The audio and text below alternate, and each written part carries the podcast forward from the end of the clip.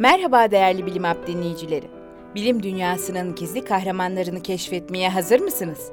Adı geniş kitlelerce duyulmamış ancak bilimsel alanlarda çığır açmış insanların hayatlarına odaklanacağımız yeni bir podcast serisine adım atıyoruz.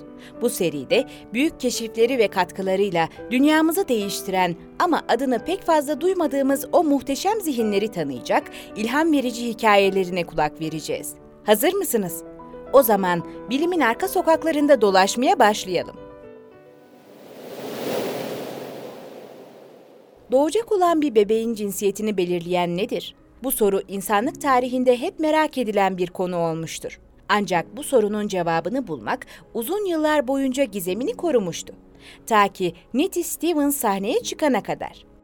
Onun hayatı ve çalışmaları cinsiyet kalıtımının sırrını aydınlatan önemli bir adımı temsil ediyor. Nettie Stevens, biyoloji ve genetik biliminde adını duyurmuş ilk kadınlardan biri olarak öne çıkar. 7 Temmuz 1861'de Amerika'nın Vermont eyaletinde orta sınıf bir ailenin çocuğu olarak dünyaya geldi.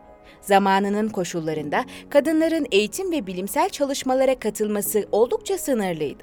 Ancak Nettie'nin babası çocuklarının eğitimine verdiği önemle ona bu alanda bir yol açtı. Tüm milletlerden kadın ve erkeklerin eğitim alabildiği sınırlı yerlerden biri olan Westworld Akademi'de eğitim görme şansını yakalayan Stevens, eğitim yıllarında başarılı bir öğrenciydi. 19 yaşında Westworld Akademi'den mezun olmasının ardından Westfield State Normal School'da eğitim gördü. Mezuniyetinin ardından öğrenme tutkusunu kaybetmedi.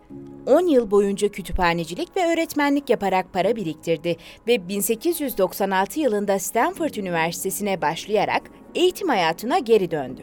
Biyoloji bölümünden yüksek lisans derecesiyle mezun olan Stevens, test sürecinde mikroskobik canlıların incelenmesi ve sınıflandırılması üzerine çalışmalar gerçekleştirdi. Bu alanda yaptığı çalışmalar sayesinde kazandığı deneyim, gelecekteki başarısında önemli bir rol oynayacaktı. Yüksek lisans eğitiminin ardından Stevens, doktora eğitimi için Bryn Mawr Koleji'ne gitti. Doktora döneminde gösterdiği üstün başarıları gelecek başarılarına ışık oldu. Stevens yurt dışında okumak için burs kazandı ve Almanya Würzburg Üniversitesi'ne gitti. Burada tanık olduğu Theodor Boveri'nin kromozomların kalıtımındaki rolü üzerine gerçekleştirdiği çalışmalar ona ilham verdi. Stevens 1904'te Washington Carnegie Enstitüsü'nde doktora sonrası araştırma görevlisi oldu. Ardından araştırma görevlisi olarak Bryn Mawr Koleji'ne geri dönme fırsatı buldu. Çalıştığı dönem boyunca rejenerasyon, embriyolarda farklılaşma ve en nihayetinde kromozomlar üzerine araştırmalar gerçekleştirdi kromozomlar üzerine yaptığı çalışmalar büyük keşfinin öncüsü oldu. 1905'te un kurduğu üzerine yaptığı bir çalışmada X ve Y olarak bilinen bir kromozom kombinasyonunun cinsiyetinin belirlenmesinden sorumlu olduğunu tespit ederek bir makalede bulgularını yayınladı.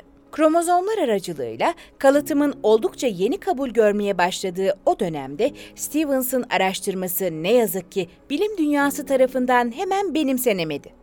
Aynı yıl bağımsız olarak Edmund Wilson tarafından da cinsiyetin kalıtımla aktarıldığını kanıtlayan bir makale yayınlandı.